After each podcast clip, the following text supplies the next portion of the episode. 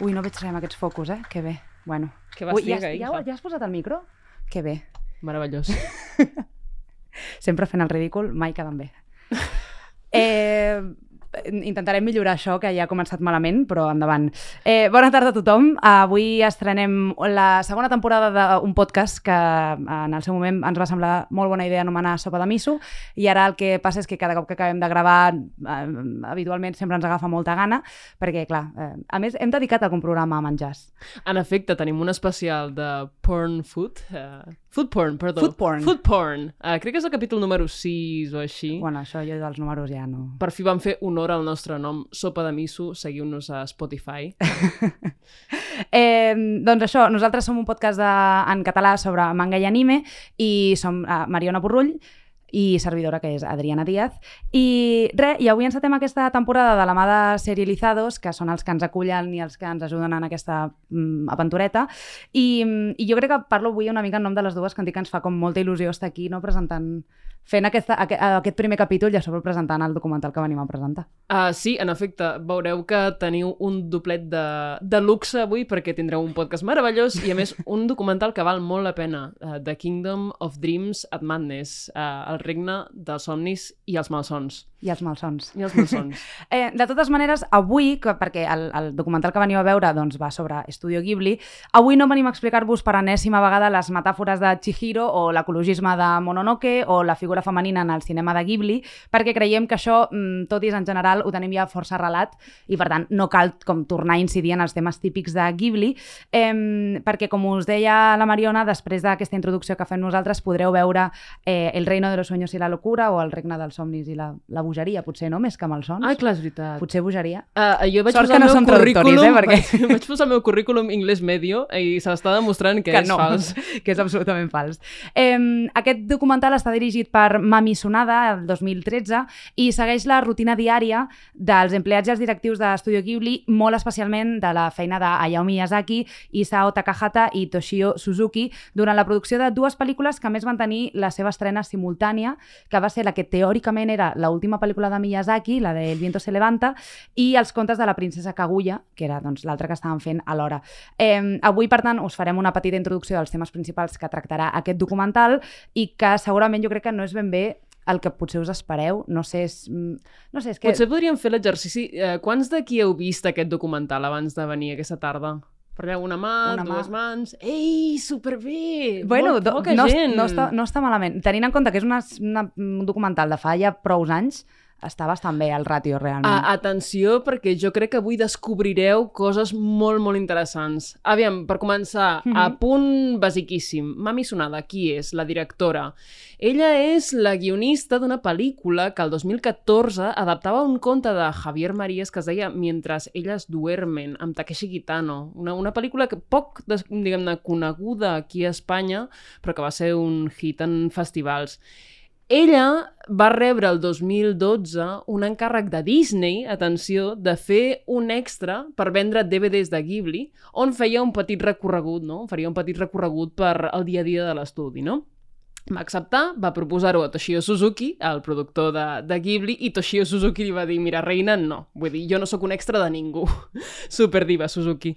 Uh, Com ha de ser, com ha de i, ser. I, bueno, de fet, Mami Sonada va haver de prometre-li, sense tenir garanties, que allò seria una pel·lícula que s'estrenaria en cinemes i no un extra de- d'un DVD per poder entrar a gravar a l'estudi Ghibli. Tenia una condició només, Mami Sonada, que no parlaria amb Hayao Miyazaki. Vull dir, única condició, no parlis amb el nostre nen brillant, amb el nostre nen geni.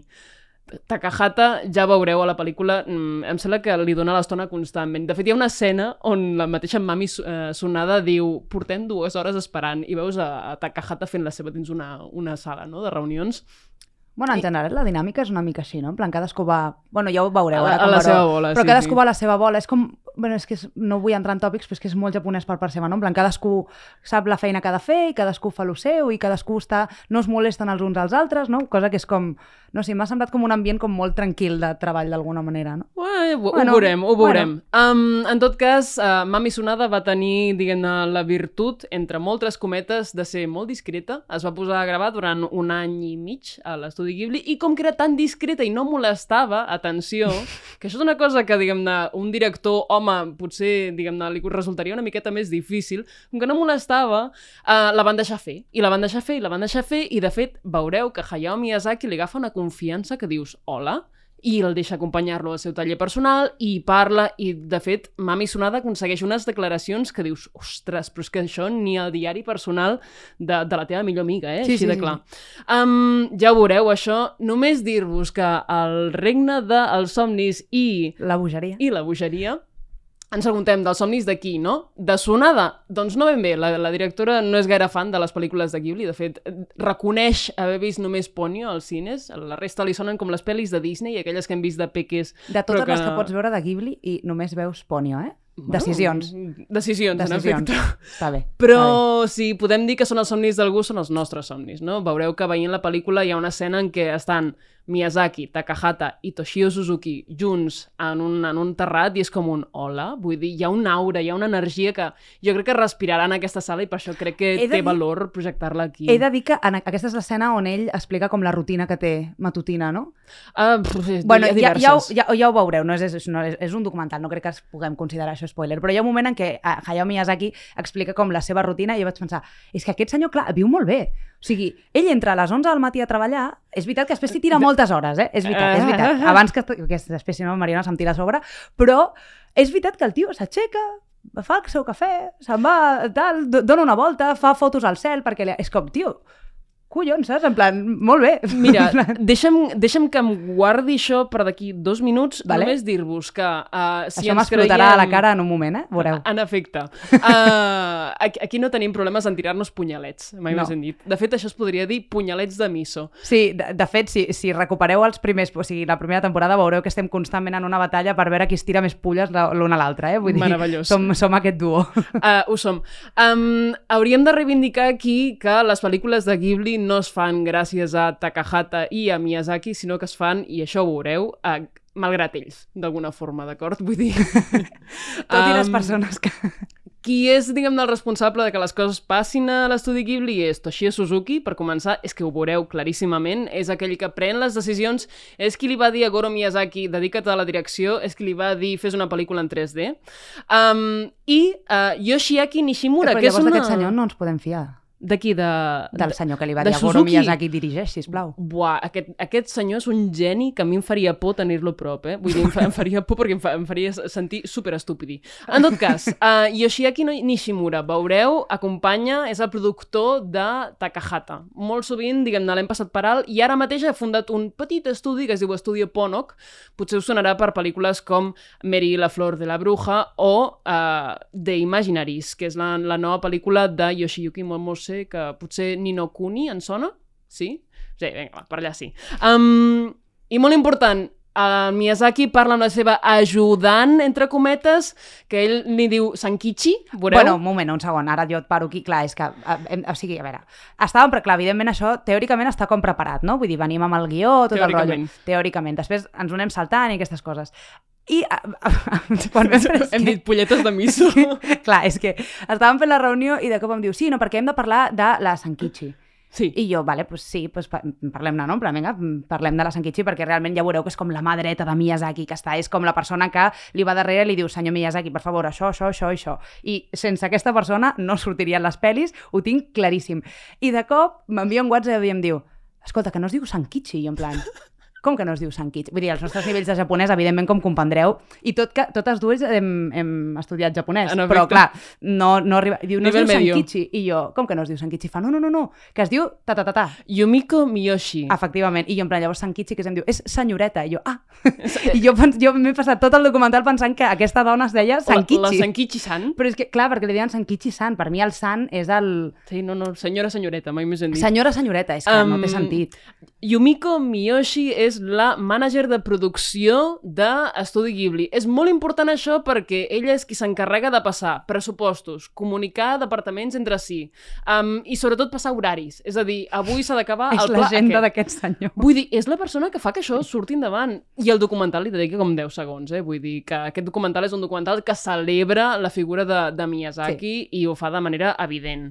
Um, Tanmateix, hem de dir que és això, que clarament aquesta persona té, eh, diguem-ne, costats més o menys foscos, ho veureu, i en cap moment se'l retrata com un heroi perfecte, no? No, però una cosa que, això també havíem dit que ho diríem, no, eh, jo us dic, això no està en el guió, però he de dir que hi ha una, una escena en concret que a mi m'ha fet molta gràcia i he pensat, mira, és que jo realment sóc aquest senyor, jo vull ser aquest senyor, perquè aquest senyor eh, té cabres a casa.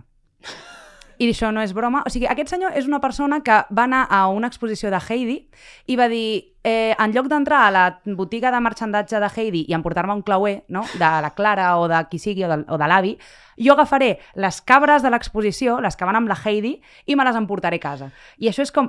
És que això, de debò, que no us estic mentint, això ho veureu ara. I el senyor té com 4 o 5 cabres de l'exposició que es va fer en el seu moment al Japó de Heidi i les posa a la finestra perquè als nens petits els hi fa gràcia, els nens que són del seu barri i tal, i, les, i jo pensant, lo bé, jo sóc una, una espècie de boja de les cabres, m'encanten les cabretes petites. Declaracions d'Adriana Díaz. És veritat, però jo he pensat, coi, jo vull tenir aquestes cabres, que jo seria Miyazaki en aquesta exposició, en plan, em puc endur les cabres, sisplau? Eh, Crec que m'has deixat sense paraules. Um, aquí és quan jo tiro el punyalet de tornada. Aviam, Adriana, com, com, com m'acabes de dir que viu bé Hayao Miyazaki, un Home, senyor que és caseta, incapaç... Veureu, horari de Hayao Miyazaki, d'11 del matí a 21 hores, és a dir, a les 9 de la nit. Això són 10 hores a l'oficina. O tindrà la seva hora per dinar, no? Sí. Digo jo. Pues no sé res, no sé. Suposem, suposem. Després, 3 hores al seu taller personal, que això es fan les 12 de la nit. I Sí, després, potser, se'n va cap a casa i dius, mm, bueno, la vida personal de Hayao Miyazaki és un misteri Sí, però se'n va cap a casa i arriba a casa i té les cabres del museu de Heidi, saps? Bueno, ja, ja, Vull dir, clar. ja està, Déu-n'hi-do. rendeixo davant de l'evidència. Aviam, uh, sí que m'agradaria dir-vos atenció perquè aquí veureu un Hayao Miyazaki completament deprimit, d'acord? Un Hayao Miyazaki que oscil·la entre estats anímics que dius des de l'energia radiant de qui ha descobert, diguem-ne, una petxina bonica a la platja, la metàfora l'acabo d'inventar ara, us juro, és barata, però funciona. Um, I un senyor completament deprimit. M'agradaria fer un petit, diguem-ne, context perquè entengueu per què està així, perquè la pel·lícula no s'explica. Hayao Miyazaki comença treballant a la Toei abans de fundar l'estudi Ghibli, és on coneix a Takahata, als anys 60. Ella, als 64, comença a, a participar a les activitats del sindicat de la Toei, d'acord? Mhm. Aquella època es feien el que se'n diu les Killer Weeks, que eren hores de... Mm, hores, setmanes de potser, bueno, hores infinites de treball. Vull dir, unes condicions laborals que són encara pitjors que les que tenen ara mateix els animadors a, a Japó. Aquestes Killer no, diré, Weeks... no direm estudis. En efecte, no direm estudis, però tothom sap de qui estem parlant. Uh, aquestes Killer Weeks van fer que el- els treballadors de la Toei es mobilitzessin, fessin un sindicat, i uh, Hayao Miyazaki es va erigir com a portaveu d'aquest sindicat, sobretot després de la mort d'un director de la, de la casa, no? Què passa? Al 71, ell i Takahata, que en aquell moment era el vicepresident del, del sindicat, també s'havien fet amics, s'havien fet col·legues, havien treballat junts ja, decideixen marxar de la Toei i fundar Estudi Ghibli. Quan marxen de la Toei, deixen el sindicat i intenten d'alguna forma replicar les bones condicions de treball de, de, que havien diguem estat promovent no? al seu nou estudi. Què passa? Ens trobem l'any 95, un director com Yoshifumi Kondo, no sé si us sona Susurros del Corazón, una pel·lícula... Sí? Per aquí sí? Vinga. El director d'aquesta pel·lícula havia de ser el successor de Miyazaki. És la seva primera i última pel·lícula. Única pel·lícula, de fet. La única que va Ah, sí? dirigir És l'única? perquè... Única, única? És la única única perquè dos anys després es va morir de karoshi, d'esgotament. Uh, fent Cosa la que, princesa... po- poca broma, és molt habitual, eh? Allà, allà al Japó, amb la gent que es dedica al manga i a l'anime, hi ha molta... Més de la que... De, de fet, hi ha molts mangakes que tenen pauses bastant llargues per recuperar salut i tal, perquè, clar, és que estan tot el dia treballant, o sigui, és molt fort. Total, total. Clar, què passa? El 97 se li mor el que havia de ser el seu com hereu, el que havia de ser el nou Miyazaki, la persona amb qui havia treballat i amb qui havia dipositat la confiança de ser l'animador clau, l'anima- l'animador en cap de la princesa Mononoke. Se li mor per esgotament i clar, Hayao Miyazaki s'enfonsa en una depressió de la hòstia. Vull dir, i no ens estranya, no? Tot el que has estat lluitant durant una dècada ben bona Sí, sí. en un sindicat ara veus que ho estàs replicant al teu estudi, que has permès que la, el teu futur d'alguna forma s'esgoti, sumat, evidentment, a condicions de casa i a, al conflicte amb el seu fill Goro, Mhm. eh, bueno, doncs tenim una depressió assegurada. Sí, de, de totes maneres, crec que també eh, sempre s'ha volgut com... bueno, no sé, això és com a títol personal, però trobo que sempre hi ha, quan, quan tenim com una persona que és com un mestre, no? perquè al final a Miyazaki a, a, hi haurà gent que li agradarà més o menys el seu cine, li agradarà més o menys la, seva figura, però no es pot negar que és un, és un referent i és un mestre en el, en, en, almenys en el seu estudi no? i en, en les històries que ens ha portat. Llavors, crec que hi ha com una mania constant de dir "Ah, aquest serà el successor de no sé què. Ja, Tu, de deixeu a la gent, saps? Vull dir, que mm, no cal tenir successos per tot. Miyazaki n'hi ha un i, i ja està. I l'hem tingut, el gaudirem tots els anys que calgui, tots els anys que estigui, i gaudirem durant molts anys de les seves pel·lis, però no cal buscar tota l'estona un successor, un successor. I crec que això és una pressió que ha tingut ell sempre com de, de tenir tal, ha intentat que fos el seu fill, tampoc ha sortit. Per què? Perquè és que no és Hayao Miyazaki, és Goro Miyazaki. Per tant, són persones independents. Llavors, crec que això és com una tendència que fem no només a, a anime i a manga, eh, sinó en general al món de la, de la cultura, que quan algú peta molt és com, vale, el següent és... No, el següent no. Per explicar-nos, no? Clar, o sigui, no, és aquest i punt, i aquesta persona és la seva pròpia persona, i és fantàstic i és meravellós el que fa, però no cal estar tota l'estona buscant com el successor o el nou, no? que ara es, es, es porta molt això de dir el nou o la nova, no cal, no cal. Vull Ja. dir, tenim Miyazaki i ja està. I crec que és interessant que veieu aquest documental perquè ens, ens adonem, tot i plegades, que un estudi no és una persona. Una Sí. pel·lícula i una obra mestra eh, no sempre surt dels núvols, d'acord? No sempre cau d'un arbre. Vull dir, Mm. mm. té etapes de producció que són més o menys complicades. Aquí veureu de primera mà i a més Sí. de forma hiperprivilegiada com es va fer eh, El viento se levanta, que per mi és la millor pel·lícula de l'estudi Ghibli. Sí, i de fet, em, crec que aquest documental té una cosa molt bona, em, que és que, em, com que treu aquest, aquest estigma de que eh, la pel·li surt bé només si la gent que hi treballa és mm, boníssima treballant en això, no? O sigui, només si tenim els millors animadors o els millors guionistes o, els, o el millor director sortirà bé. I a vegades no és tant això, a vegades el que necessitem és un equip que cregui en el, en el projecte i que encara que no sigui el millor d'entrada, doncs es vagi creant aquesta aquesta... mm, no, no sé com dir-ho, com... Diríem màgia. Eh, Sí, vale, de, de, diguem màgia, no? però com em, aquesta perfecció, això volia dir jo, com aquesta perfecció que a vegades hem tingut en, en films que ens, ens semblaran meravellosos de Ghibli, doncs potser no estava darrere el millor equip de tal, però hi, ha, hi havia persones que hi creien i això crec que, que es nota molt, eh, vull dir, com, com a persona que ha treballat en, en cinema i que eh, ha vist mm, com es treballa per dins, es nota molt quan un equip realment està unit i, i encara que no siguem els millors, anem a una i fem les coses amb carinyo, eh, amb gent que potser doncs, mm, a vegades no connectes tant. I crec que això ho, ho relata molt bé. Mm -hmm. Evidentment no en un set de cinema, però en un estudi com, eh, com és això, que és un estudi d'animació, que a més a més ho fan com frame per frame, no? i que són... que és, bueno, no, és un estudi a l'antiga usanza, no?, que es diu, i crec que això està molt bé per, per veure que realment no cal ser els millors dels millors, sinó gent que creu en els projectes i que estima, perquè a mi al final també m'ha passat, si hi ha una cosa en la que no crec, no treballo igual que una cosa que m'estimo i, que, i que vull fer bé, no? Crec que a tothom li ha passat això, segurament. Um, um, jo, quan vaig acabar aquest documental, em vaig sentir una miqueta més lleugeri, eh? Vull dir, el fet de saber... I el fet de saber que mai seria res perfecte. Vull dir, veus a Hayao Miyazaki completament obcecat, intentant dibuixar una màniga. Eh, Trobareu un moment que és com un... Porto hores intentant que aquest braç sigui una miqueta més prim, però no puc. És igual. Per favor, quina actitud. Um, Bueno, parlem potser del que li espera al futur, al futur de l'estudi Ghibli a partir d'ara. Sí, jo, clar, jo crec que és una mica... No sé, perquè, clar, ara, després de la suposada retirada de Miyazaki, Suposada. 2003, perquè aquest senyor va com dient, ara em retiro, però després tots sabem que no retira i que en algun moment torna perquè sempre ha de salvar el seu estudi d'algú. De fet, atenció, perquè va dir per primera vegada que es retirada l'any 1964, quan encara treballava a la Toei, i, va, i es, bueno, de fet va dir m'he cansat de treballar tantes hores i no veure el final de tot plegat. Ho deixo. Mentida.